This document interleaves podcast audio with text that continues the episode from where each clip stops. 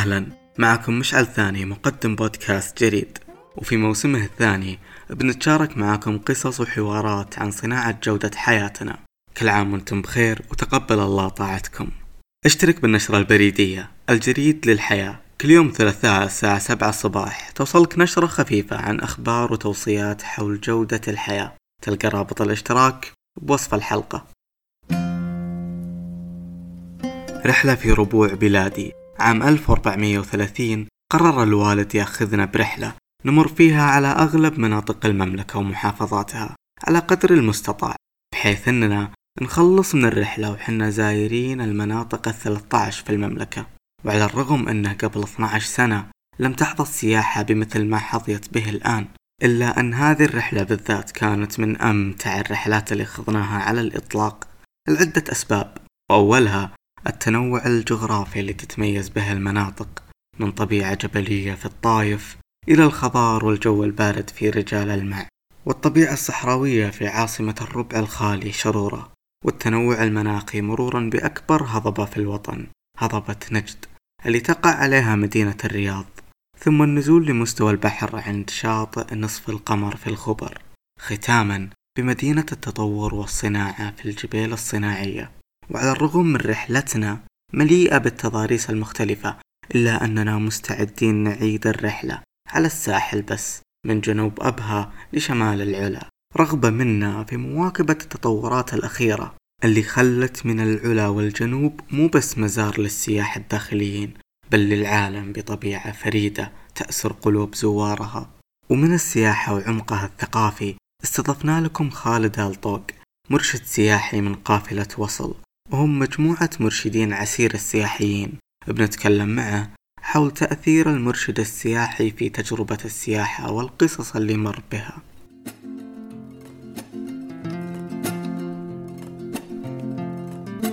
عزيزي المستمع اشترك بقنوات بودكاست جريد على أبل بودكاست وجوجل بودكاست أو أي منصة أنت تسمعنا منها واكتب لنا رأيك عن الحلقة. وإذا تبينا بكلمة راس راسلنا على tuesday at جريدبودكاست.com وشارك الحلقة مع أي أحد تتوقع أنه مهتم بالسفر والسياحة.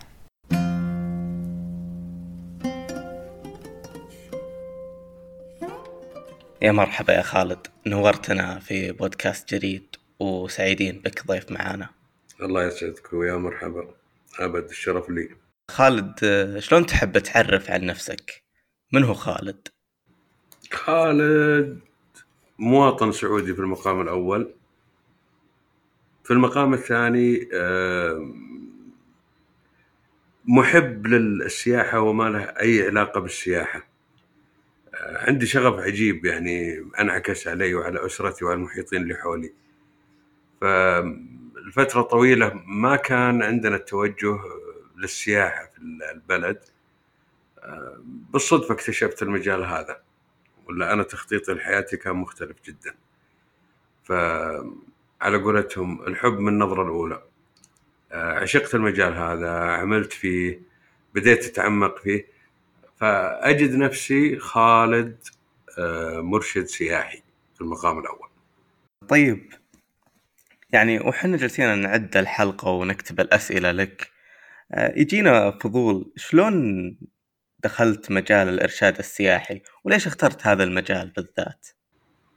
والله شوف أنا بديت كأي شاب سعودي فترة الثمانينات كان هناك طول العمر والسلامة المجالات محدودة جدا للعمل والهدف الرئيسي غالبا اللي هو تأثير المجتمع المحيط فيك أنا من مجتمع قبائلي من المناطق الجبلية فالتوجه العام للجميع عسكرية. يعني هذا هذا الهدف الرئيسي اللي تجده لدى 90% من أبناء المنطقة الجنوبية خصوصا في فترة الثمانينات. تأثرا بالآباء بالأعمام بالأقارب. أه سبحان الله ما توفقت في المجال هذا. أسباب كثيرة جدا ما ربي كاتبها. أه بالطبع حصل يعني زي ما تقول أه صدمة في حياتك لأنك أنت مخطط على اتجاه محدد وعكستك الحياة وما ما سويت اللي أنت متخيل أنه أفضل آه، شيء ممكن تسويه لحياتك في المستقبل.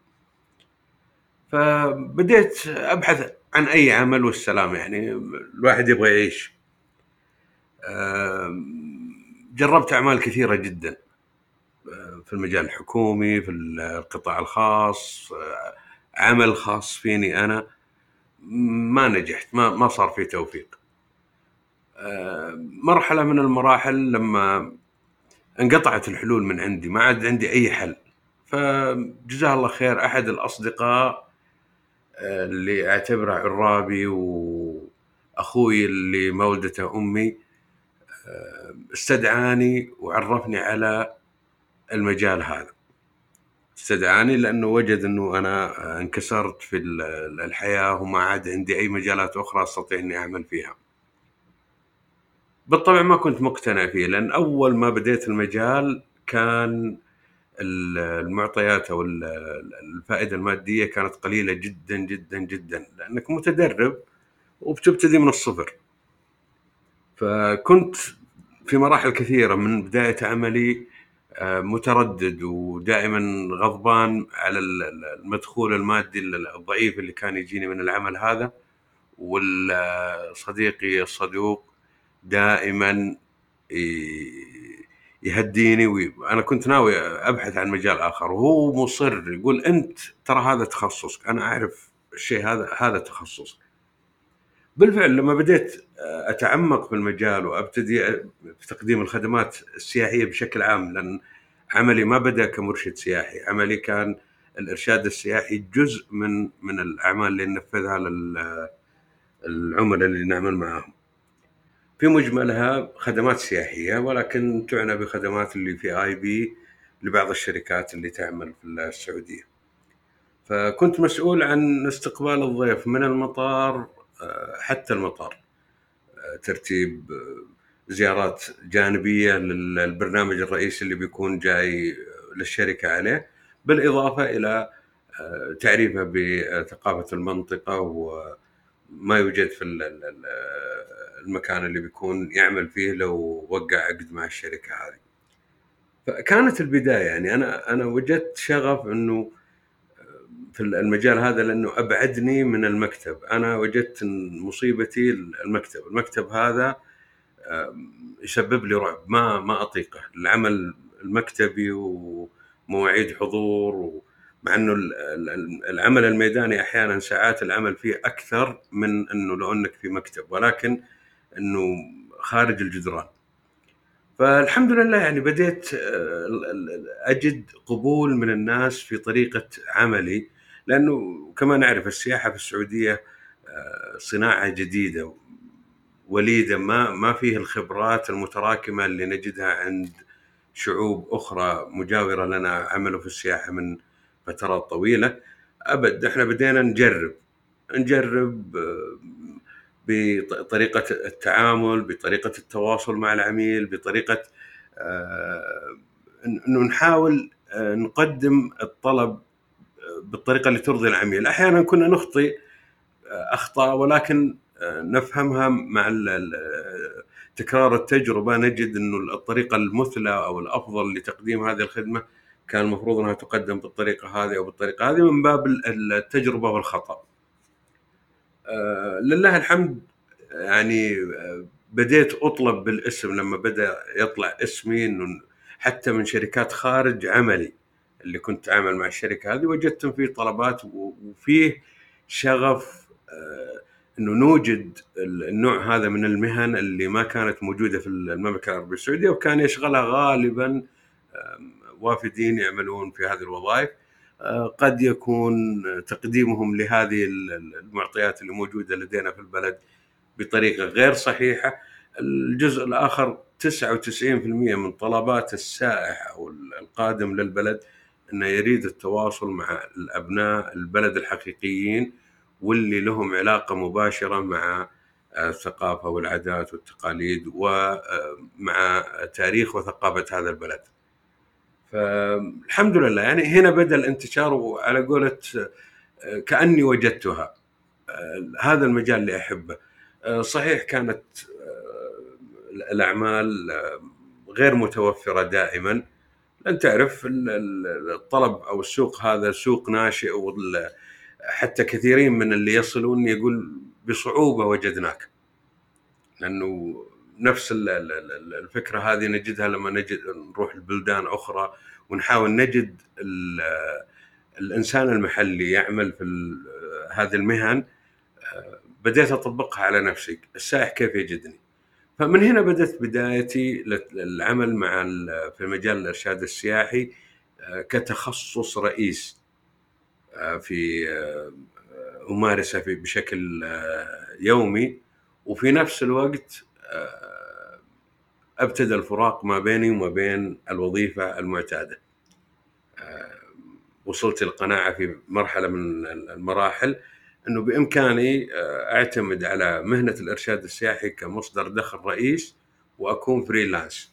ما أرتبط بجهة معينة لأن وجدت إنه أنا عملي بشكل مستقل آه، قد لا يوفر لي ال- الأمان الوظيفي اللي آه، يعتقدها الكثير. ولكن في نفس المجال وجدت انه المجال الحر أو ال- ال- الحرية التي أبحث عنها في العمل و... وإذا بديت اطور في نفسي لأني فعلا بديت ألمس الشيء هذا إنه كل ما بديت اطور في طريقة عملي و المتطلبات اللي يطلبها مني العمل آه، أجد إنه ردود الفعل من متلقي الخدمة آه، جميلة جدا وتصب في في آه، الأهداف اللي أنا أعمل من أجلها. ومن هنا كانت يمكن بداية تعرفي على مجال الإرشاد السياحي ولله الحمد يعني كنا على عدد الأصابع في على مستوى المملكة العربية السعودية اللي عملنا في المجال هذا و... واللي تفرغوا يمكن إحنا اثنين أو ثلاثة فقط كتفرغ تام آه، لهذا العمل. فهذه كانت البداية أخوي مشعل. هل المنطقة لها دور بهذا كله؟ لو كنت بمنطقة غير عسير كنت راح تدخل المجال السياحي تتوقع؟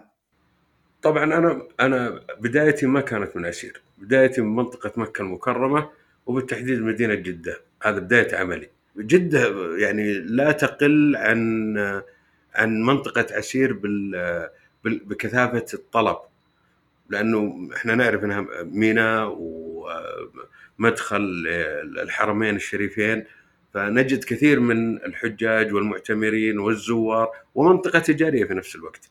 فبالعكس يعني جدة كان أو أنا أعتقد إنه مو شرط وجود المنطقة أو المقومات اللي تكون مشهورة عند الناس إنها مناطق سياحية إنها هي السبب.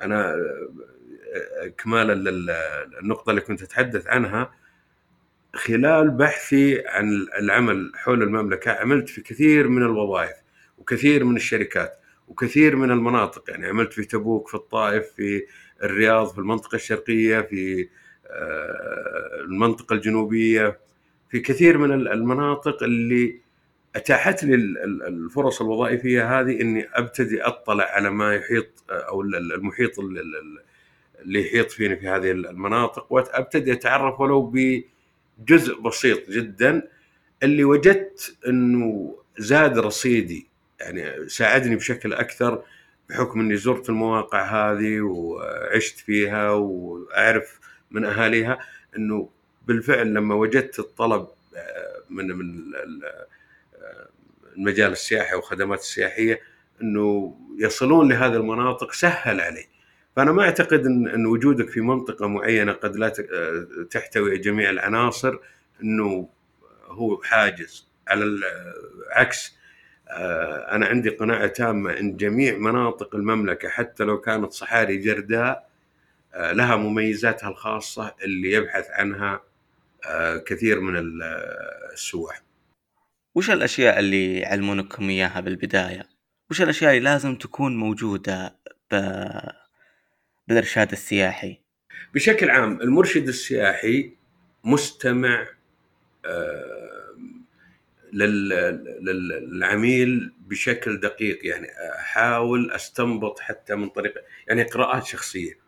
فقد يأتيني شخص معين ويطلب آه، مكان محدد بحكم إنه بحث في الإنترنت أو وجد ولكن خلال تواجدي معه أجد له اهتمامات مختلفة جدا قد يكون أحيانا غافل عنها ولما أبتدي أعطيه نقاط وأشرح له عن المواقع الأخرى اللي متوفرة في المكان ينجذب للمواقع الأخرى بشكل آه، أكثر. اذا كمستمع وقارئ للشخصيات التي أمامه وقارئ للمواقف. يعني لازم يكون آه، عندك حس بمن بما يحيط بك في آه، خلال تقديم الخدمة. بدءا من العميل، بدءا من جودة الخدمة المقدمة، أيضا عملية إنه يكون مستبق للأحداث دائما مطلع على جميع المعطيات الجديدة عن المواقع السياحية. آه، علاقات العلاقات العامة مهمة جدا في عمل المرشد السياحي بحيث إنه يسهل له عمله على المدى الطويل في عملية التواصل مع اصحاب مقدمي الخدمات الأخرى. آه، في تسهيل زيارة العميل بشكل آه، مجدي لزيارته. يعني أنا لما أزور متحف ويكون معي ضيف غير لو زاره الضيف الوحدة إذا أنا لي علاقة مع صاحب المتحف والسكان المحليين في المحيط الموقع الزيارة يعني رضا العميل على الخدمة اللي يجدها حتكون أعلى. وهذا هذه من أسباب التطوير في عملك كمرشد سياحي إنك دائما تحاول تبحث عن الأفضل وكيف تقدمه بأفضل طريقة وبأفضل سعر. ففي المقام الأول اللي هو عملية قراءة الشخصيات والمعلومات العامة وأيضا الحرص على الاستماع بدقة لما يطلبه العميل. يمكن هذه هذه البيسكس الأساسيات فقط. طبعا لما تتعمق في مجال العمل تجد فروع كثيرة يجب إنك تبتدي تركز عليها من عملية تطوير معلوماتك العامة قراءاتك الخاصة لأنه المرشد السياحي راوي راوي آه، لقصة المكان لتاريخ المكان لوجهة نظره الشخصية. أنا أيضا بشر ومتلقي وأحكم على الأشياء آه، بطريقتي الخاصة. لكن المرشد المحترف هو الذي يستطيع أنه يفرق ما بين القناعات الشخصية والتاريخ والخرافة والأسطورة ويقدمها بطريقة رواية جميلة جدا آه، تمتع المتلقي آه، في تلقيها. أيضا عملية آه، تخطيط البرنامج السياحي ليس كل البرامج تصلح لكل الناس لما يكون الضيوف اللي أنا مصاحبهم في خلال الرحلة أطفال على سبيل المثال غير لما يكونون شباب غير لما يكونون آه، كبار في السن ويحتاجون رعاية خاصة ومراعاة لقدراتهم البدنية في عملية تسلق وفي نزول وفي دخول. فجميع العناصر هذه تجتمع وتتطور مع المرشد السياحي مع الوقت. يبتدي هذا المرشد الذكي اللي يحاول إنه يقرأ الأحداث المحيطة من حوله ويحاول آه، يستمع للعميل ويتفهمه بشكل صحيح فيجد إن في عدة طرق ووسائل وأساليب تبتدي تتطور معه على آه، مدى سنوات عمله في في هذا التخصص.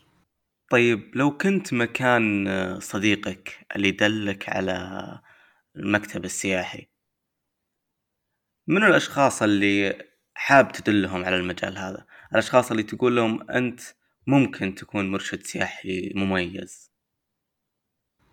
أشخاص تكون عندهم صفات معينة. النصيحة زمان كانوا يقولون النصيحة بجمل. وهالحين آه، جيت أعطيه جمل يقول ما بيه. أنا فاضي تربيه الحيوانات. آه، القصد أو المعنى إنه النصيحة زمان كانت آه، مقبولة وكانت غالية. آه، الآن كثير من الشباب يعني أنا بحكم عملي أيضا في في تدريب المرشدين السياحيين آه، فيه ناس يحضر دورات ويحاول وعنده الرغبة لكن لما أتعمق في آه، شخصيته أجد إنه فقط باحث عن عمل بدون شغف. ف كثير من اللي واجه وناس أجدهم لديهم شغف عجيب جدا بالعمل حتى لو كان ينقصهم عناصر كثيرة. اللي بينجح راعي الشغف. أما الباحث عن وظيفة فقط يعني إنه يبحث عن مصادر دخل ووجد إن هذه ممكن تكون أسهل وسيلة بالنسبة له آه، إنه يعمل فيها أنا أعتقد وأجزم إنه ما حينجح فأنا أوجهها دائما للشباب السعودي والشابات السعوديات إنه مجال جميل جدا مجال جميل جدا إذا بديت تفهمه بشكل صح ووافق شخصيتك. إذا إذا أحيانا بعض الناس يصر إنه يعمل في في تخصص أو في مجال ولكن بالفعل وأنا أنا أكبر مثال لهم أنا كان توجهي مختلف 180 درجة في الاتجاه المعاكس. ولكن لما تجد نفسك وتجد الشغف اللي تحبه وتحب آه، إنك تعمل فيه أنا أعتقد إنك بتبدع فاذا في المقام الأول هي آه، شغف وموهبة آه، توجد للشخص حب التعرف على العادات حب التعرف على الشعوب عنده القابلية للانخراط في أي مجتمع والتواصل معهم بسهولة. اذا إنسان اجتماعي في المقام الأول. ففي سمات شخصية وفي سمات عقلية وفي سمات ممكن يطورها الإنسان بحيث إنه يصل إلى آه، البروز في العمل هذا لأن لا أنا أجد إنه إذا بتعمل فقط لأنك تعمل فالمجالات كثيرة جدا لكن النجاح والبروز في مجال مثل مجال الإرشاد السياحي يجب إنه يحتوي العناصر اللي ذكرتها سابقا. خالد كم لغة تتكلم؟ آه، بالنسبة للإتقان أنا أتقن اللغة الإنجليزية بالإضافة للعربي لكن بحكم عملك كمرشد سياحي يجب على قولتهم إنك تأخذ من كل بحر قطرة. إذا كان ضيفي صيني فعلى أقل تقدير يجب إني أعرف المصطلحات العامة أو أقل شيء عملية الترحيب لكسر الجمود بينك وبين الأشخاص اللي أمامك ولفتح حوارات. آه، عملك كمرشد سياحي لا يعني فقط إنك تعرض ما لديك، يجب إنك تطلع على ما لدى الآخرين. أحيانا المقارنات، أحيانا إيجاد السمات المتشابهة ما بين حضارات وثقافات وسيلة من أفضل الوسائل لعملية فتح موضوع والدخول في في تفاصيل حوار ممتع وثري ما بينك وما بين الثقافة، فيجب إنه يكون لديك أقل شيء الأساسيات اللي تستطيع تتواصل معنا والشيخ جوجل ما يقصر. مهما كانت الجنسية ستجد ما يساعدك للتواصل معه لكن بشكل عام إجابة على سؤالك أنا أتحدث اللغة الإنجليزية والعربية بطلاق قناتك باليوتيوب في مقطع السياح من إيطاليا إيه؟ كيف تتعامل مع مختلف الناس والثقافات واللغات بعد؟ أه، بالطبع على مدار عملنا سابقا زي ما ذكرت لك نحن بدينا من من الصفر فلم يكن أه، في إمكانية لإيجاد مرشدين متخصصين بلغات مختلفة بسهولة. أنا لا اعني إنه لا يوجد لا يوجد ولكن لم يكن بسهولة. أغلبهم يا إما إنه يعمل في تخصص مختلف جدا وللمعلومية هذه معلومة. المرشد السياحي لا يعني إنه يتخصص في مجاله. نجد الطبيب نجد المهندس نجد آه، سائق التاكسي نجد الإنسان العادي البسيط ممكن يعمل في المجال هذا. عملية إنه التفرغ التام لم ليست من صفات آه، وظيفة المرشد السياحي، أنا أتكلم عن نفسي أنا يمكن آه، صرت على قولتهم آه، مركز في المجال هذا وحبيته بشكل أكثر لذلك تخصصت فيه وتفرغت له. لكن بشكل عام أنا أعرف على مستوى المملكة كثير مهندسين موظفين مرموقين في الحكومة مسؤولين أيضا حصلوا عليها وعلى رأسهم الأمير سلطان بن سلمان كمرشد سياحي أول من حصل على رخصة الإرشاد السياحي بالسعودية اذا الوظيفة والتخصص ما لها علاقة ولكن أيضا عملية عملية إنه يكون عمل إضافي أو يكون لديك تخصص كالرئيس ويكون الإرشاد السياحي جانب آخر له. طيب خالد سولف لنا عن التجربة البرية على ظهور الإبل من عسير إلى سوق عكاظ اللي كانت بعام 1434 جميل جدا. التجربة هذه كان آه، بناء على متطلبات وجدتها في في ذلك الوقت إنه كان عندنا سوء فهم مثلا لسوق عكاظ، سوق عكاظ في بداياته كان عبارة عن فعالية من الفعاليات اللي يجيها تجار يجيبون بضائع من الأسواق الشعبية ويبسطون عليها. لكن بحكم قراءاتي ومحاولة فهمي العميق لأهداف سوق عكاظ وتأسيسه نجد أن سوق عكاظ تظاهرة كبيرة ضخمة جدا ارتبطت بتاريخ العرب وبأسواق العرب وبتاريخ وثقافة العرب على مدى آلاف السنين وحتى في التراث الإسلامي نجد أن الرسول صلى الله عليه وسلم حضر عدة أسواق من أسواق العرب ومن ضمنها سوق عكاظ.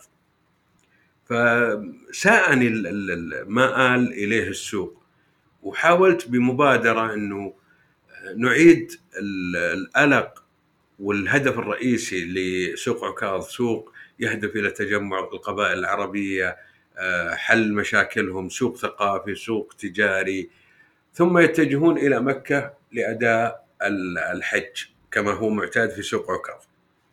فكان عندي حلم الحلم هذا إنه في كل سوق عكاظ يتم عقده سنويا إنه يكون عندنا قافلة تخرج من مختلف مناطق المملكة 13 وتتجه حتى تصل في الموعد المحدد إلى سوق عكاظ كما كانت تأتي القبائل العربية بشتى من شتى جهات الجزيرة العربية ولكن الرابط اللي كان يربطهم اللي هو القبيلة فقط. الآن إحنا في دولة متحضرة عندنا السوق هذا ولكن كان المفروض إنه يكون بنكهتنا الخاصة.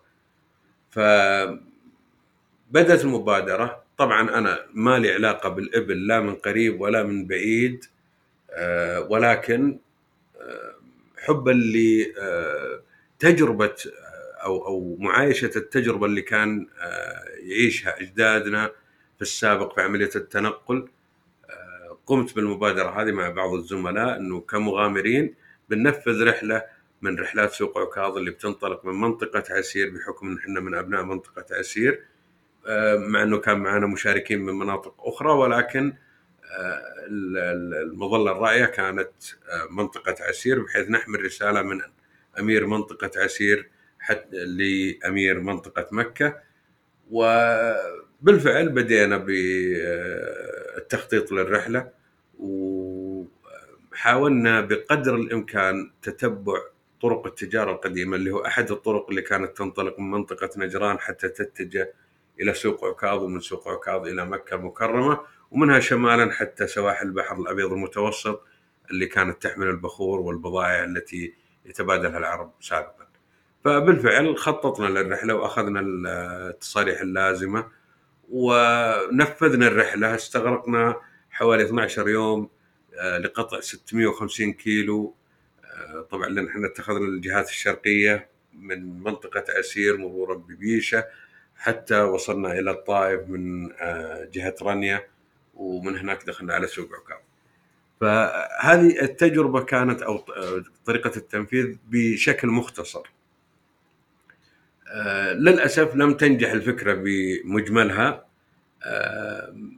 أتمنى أني أراها في القريب العاجل بإذن الله وأرى شباب من جميع مناطق المملكة ومو فقط شباب شباب والشيوخ لأن مهم جميع أفراد المجتمع يشاركون في المجال هذا. وما أنسى أحد الشيبان اللي في في مدينة بيشة خرج يعرض لنا لما شافنا على الطريق في الأفق إلا يذبحنا ويكرمنا ويقول أنتم أعدتوا لي ذكريات جميلة جدا. وظل يتابع معنا حتى دخلنا إلى سوق عكاظ اتصال هاتفي طوال الرحلة. اذا الشغف موجود والفكرة جميلة جدا. ولكن يحتاج لها إنه إرادة حكومية وإنها أو أحد الهيئات المتخصصة زي هيئة الترفيه حاليا. إنها تشارك. وأعتقد إن هيئة الترفيه أعلنت عن بعض البرامج اللي لها علاقة بالحفاظ على الهوية والثقافة وتفعيلها بالشكل اللي ممكن نفذناه في 2013 فأتمنى فعلا إن سوق عكاظ في الأعوام القادمة بإذن الله يتلقى 13 قافلة من 13 منطقة في أنحاء المملكة ويعيد ألق سوق عكاظ الحقيقي آه، اللي كان يؤديه على مدى آه، مئات السنين. وانت تتكلم عن التجربة يعني حسيت أنا أنها تجربة جميلة خصوصا مع موقف الشايب اللي تكلمت عنه وهو يرحب فيكم.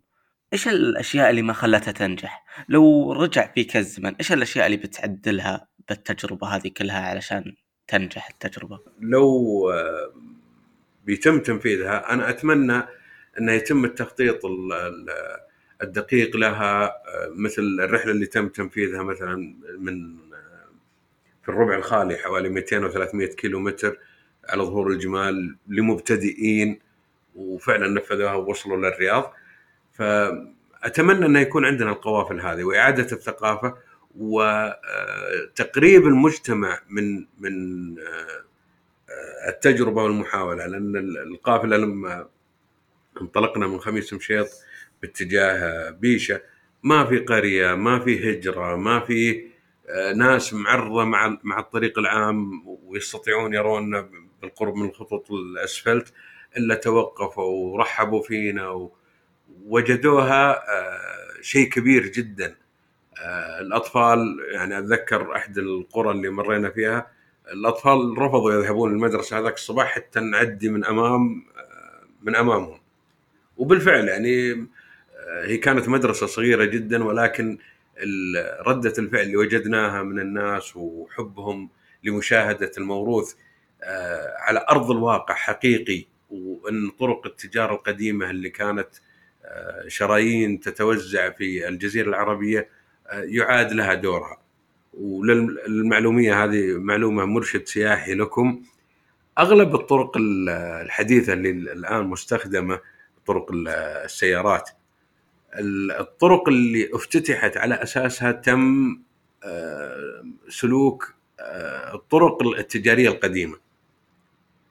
فالطرق هذه من من آلاف السنين الإنسان الأول في الجزيرة العربية وجد هذه أفضل وأحسن وأسلم طرق تربط النقطه الف بالنقطه باء وأيضا آه، تخدم أهداف القوافل هذه. فاتبعت طرق واتجاهات ومدن الآن قائمة كانت سابقا عبارة عن محطات لهذه القوافل. فأتمنى أتمنى وبصدق إني أرى ال ال القوافل هذه تنطلق في أسواق عكاظ القادمة بإذن الله من جميع مناطق المملكة حتى تحقق ال ال الهدف من من هذه الأسواق وتضمن الاستمرارية لهذا السوق بزخمه الكبير بحيث نجد هذه القوافل تحمل منتجات من من جميع مناطق المملكة وتعرضها في سوق عكاظ. يعني حيكون سوق آه، مع إن المنتجات السعودية مشهورة ومعروفة ومطلوبة عالميا ولكن لما يكون لها سوق بهذا الزخم في سوق عكاظ لأنها من أشهر أسواق العرب اللي لا زالت إلى الآن وأقدم الشكر الجزيل للأمير خالد الفيصل لإعادة تاريخ هذا السوق المندثر. طيب خالد كيف تشوف مستقبل السياحة؟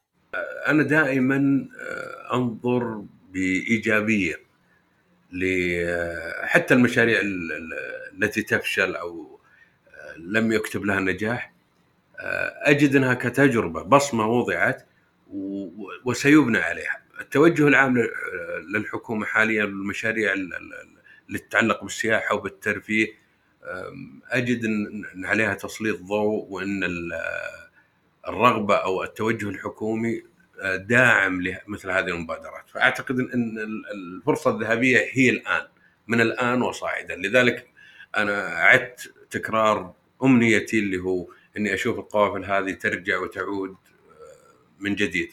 فما أعتقد إنه مستحيل وأعتقد على العكس إنه الإمكانية موجودة والدعم بيكون موجود بإذن الله.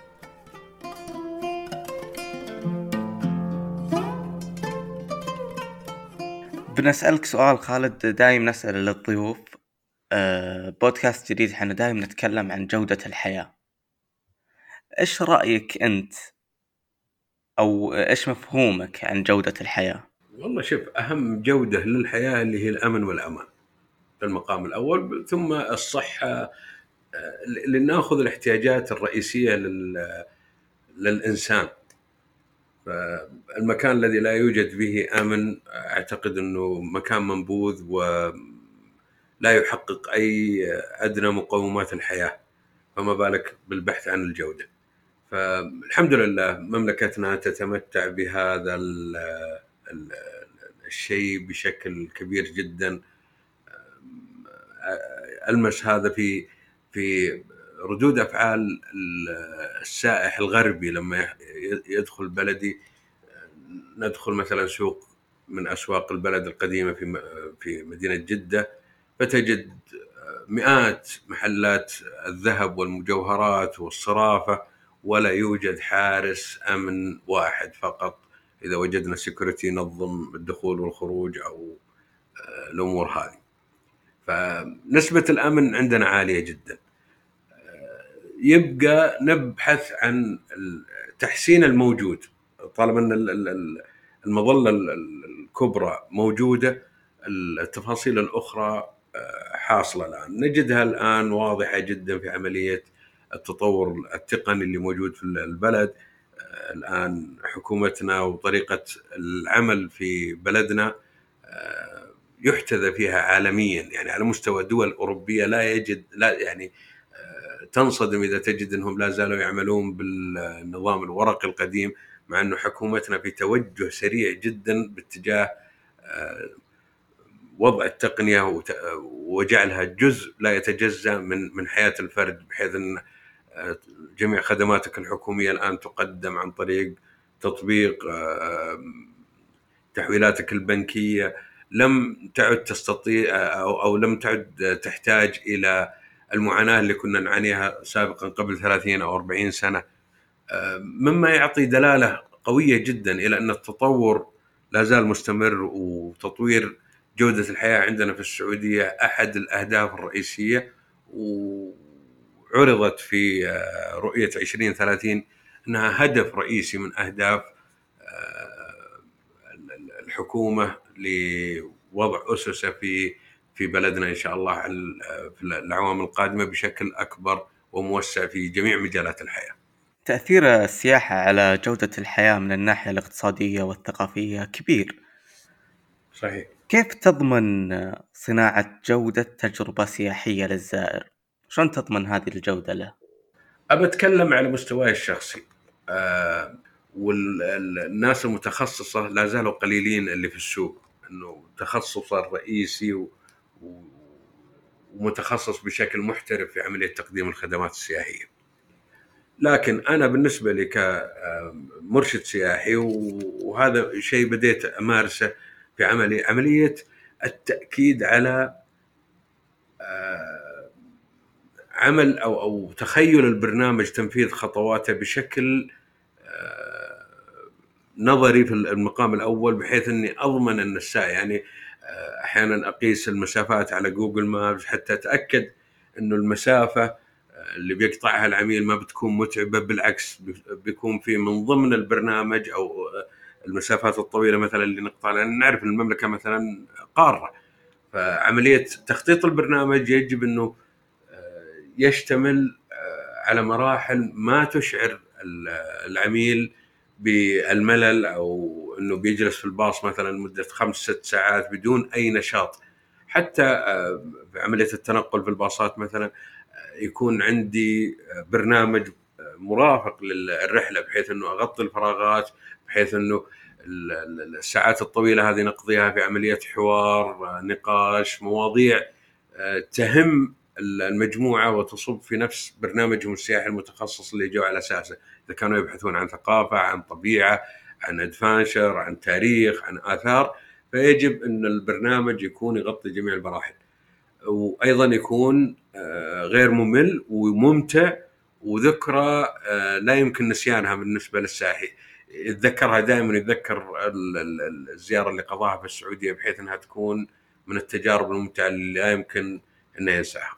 إيش الانطباع اللي دايم تحب تتركه عند الزائر؟ أحب إنه يرى البلد على حقيقته. آه، أتعمد آه، إنه يكون في عندنا تقاطع للزيارات والتقابل مع الإنسان المحلي آه، سواء بزيارات مرتبة أو زيارات عابرة غير منسق لها إنه يكون في تواصل مباشر ما بين السائح الغربي أو الأجنبي الغريب عن ثقافتنا وحضارتنا أنه يشاهد البلد على حقيقته. أستمتع لما يكون مرينا في أحد القرى وبدأ أحد السكان المحليين يستضيفهم أستمتع في ترجمة الحوار اللي حدث وماذا يقصد ولماذا يعزم علينا ومفهوم العزيمة عندنا إنه لما بيعزمك يبغى يكرمك لأنه جزء من من عاداتنا وثقافتنا إكرام الضيف والعابر وعابر السبيل والغريب عن المكان وتقديم المساعدة له.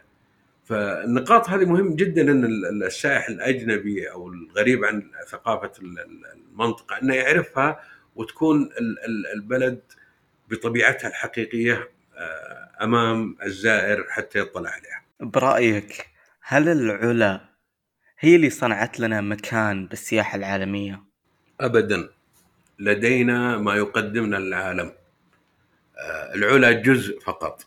هي جوهرة صحيح ولكنها جوهرة من من صندوق مليء بالجواهر. فلو لم تكن مهمة ولو لم تكن مميزة جدا ما نجحت على المستوى العالمي وأبتدت تصبح وجهة عالمية الآن الأنظار تتجه إليها. المملكة زي ما ذكرنا قارة كبيرة جدا والكثافه اللي موجودة من الحضارات والثقافات والتاريخ آه، لم يكشف عنها بالكامل إلى الآن لا زالت الدراسات ولا زالت بعثات التنقيب ولا زالت المختصين في مجال الآثار آه، ما وضعوا جميع النقاط على الحروف لا زال يتكشف العلا اللي كما نشاهدها الآن آه، فيها عشرات البعثات اللي الآن تعمل من ثلاث سنوات ولم تظهر النتائج إلى الآن. فلدينا الكثير ولدينا آه، ما ما ينافس على مستوى العالم على مستوى العالم. من من شمال المملكة حتى جنوبها يعني أنا بعطيك بس مثال بسيط جدا اللي هو على مجال يسمى الرسوم الصخرية أو النقوش الصخرية.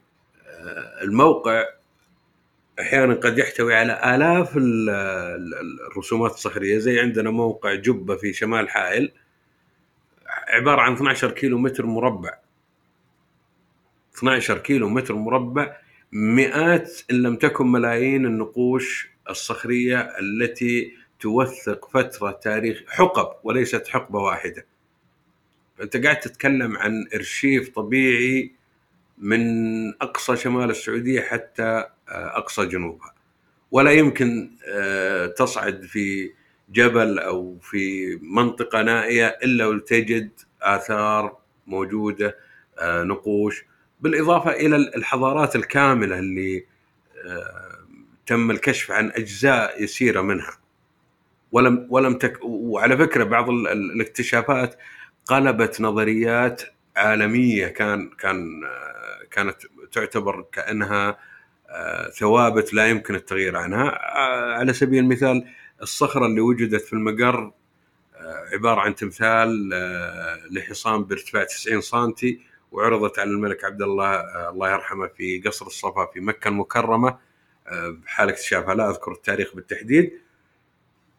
غيرت نظرية من أهم النظريات اللي كانت موجودة في عالم الآثار اللي تقول كان استئناس الحصان أو الخيل كان في كازاخستان قبل 4500 بوجود هذا الاكتشاف التمثال اللي موجود عندنا آه، النظرية اختلفت 180 درجة وأصبح إنه استئناس الخيل قبل أكثر من 9000 عام في الجزيرة العربية.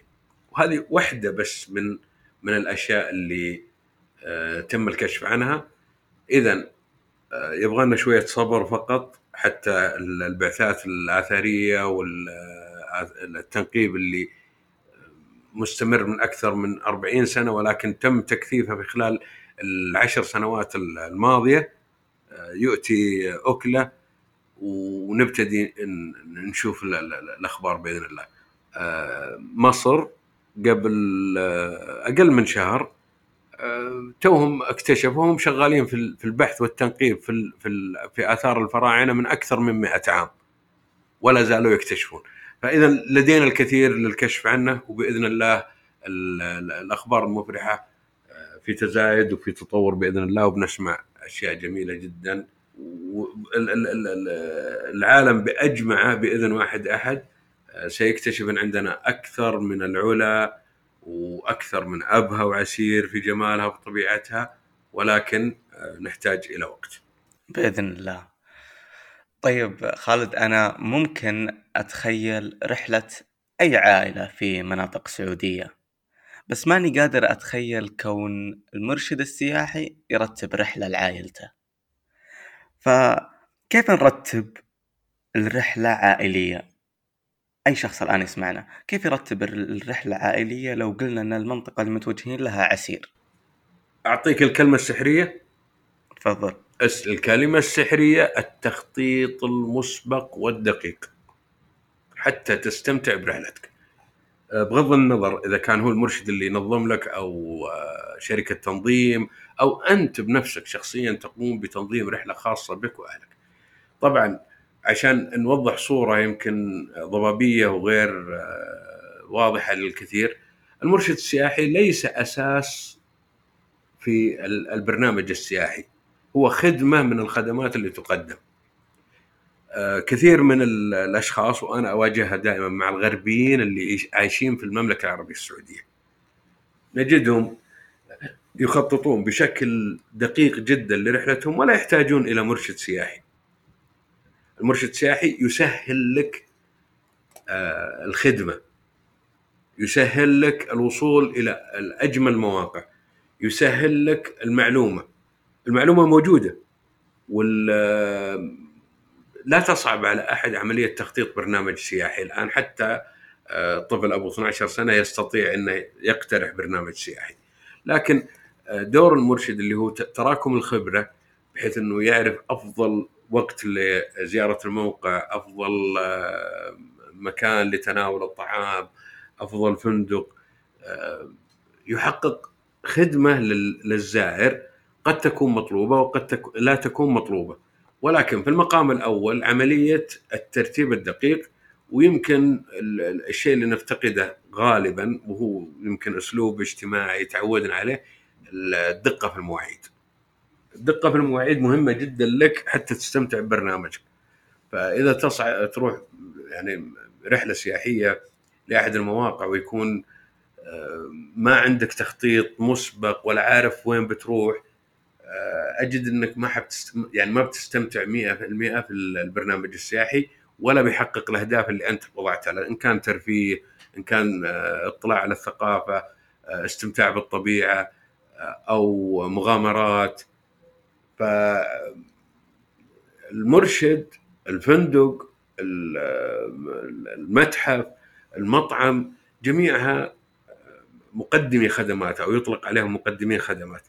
فالسائح هو اللي يختار. يختار إنه يكون نوعية الفندق مثلا من عندك الخيارات من خمس نجوم حتى الشقق المفروشة ولا النزل ولا المواقع الخاصة. أو آه، أي مكان تستطيع إنك تختاره إذا كان يملك آه، خيار إنه آه، يخيم أو يكون لديه كرفان. فهنا خدمة السكن تم تغطيتها. يتجه إلى المجال الآخر. البرنامج السياحي متى سأصل؟ متى سابتدي البرنامج السياحي؟ متى سيكون عندي فعاليات أستطيع أغطيها؟ البحث والقراءة مهمة جدا إنك تطلع على المنطقة قبل أن تصلها.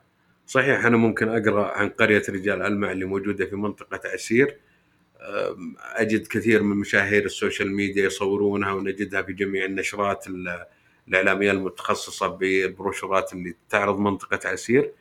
ولكن باقي التفاصيل ما أستطيع إني أفهمها. فخلاص أنا وضعت check إنه لازم أزور قرية رجال ألمع. عشان أخطط لها بشكل صحيح أبتدي أبحث عن قرية رجال ألمع وأفهم تفاصيلها آه، أفضل وقت أزورها فيه أفضل طريقة إذا أعرف وين بسكن وين يعني بعضهم كان يقول لي مثلا أستغرب من من سؤاله أوكي بنروح رجال ألمع بعدين بنطلع الخميس مشيط.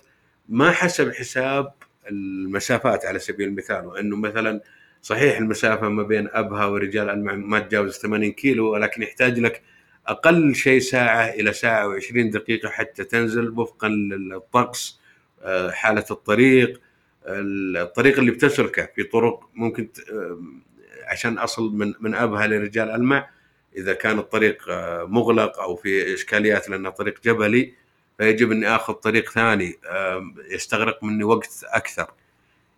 لو أن السائح أو الأسرة اللي تخطط للذهاب لهذه المنطقة بذلت مجهود بسيط في عملية التخطيط السليم للرحلة ومعرفه جميع التفاصيل وعندهم آه، جدول يوضح لهم وين مواقعهم خلال ال 48 ساعة أو 72 ساعة أو الفترة اللي بيقضونها في المنطقة هذه عارفين بالدقيقة وبالثانية أنا أعتقد وأجزم إنهم بيستمتعون ببرنامجهم السياحي وبيغطون آه، احتياجاتهم أو أو الرغبات اللي يبغون آه، يلبونها خلال زيارتهم لهذا الموقع.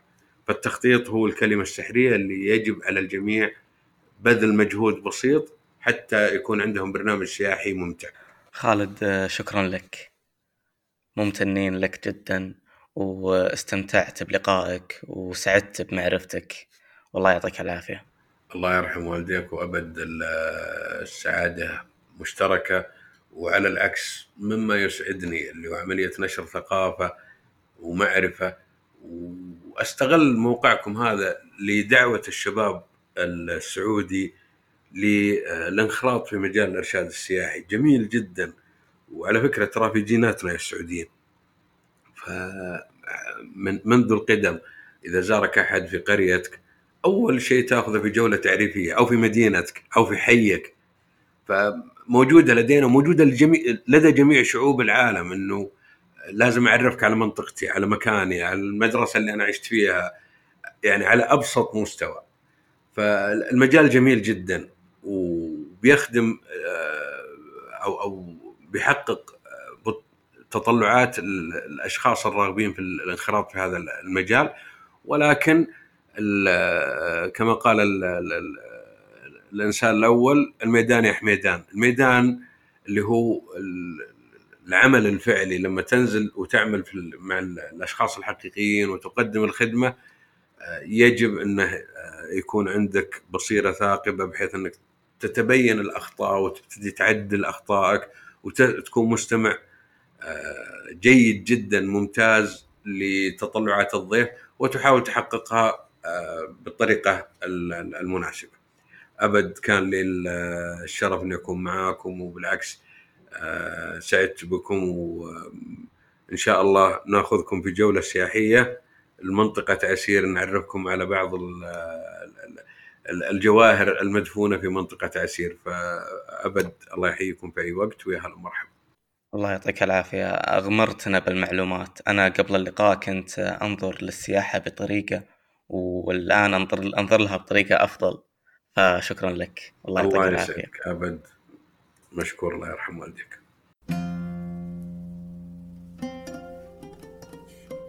وشكرا لك أنت عزيزي المستمع لأنك وصلت لنهاية الحلقة. كنت معاكم أنا مشعل ثاني.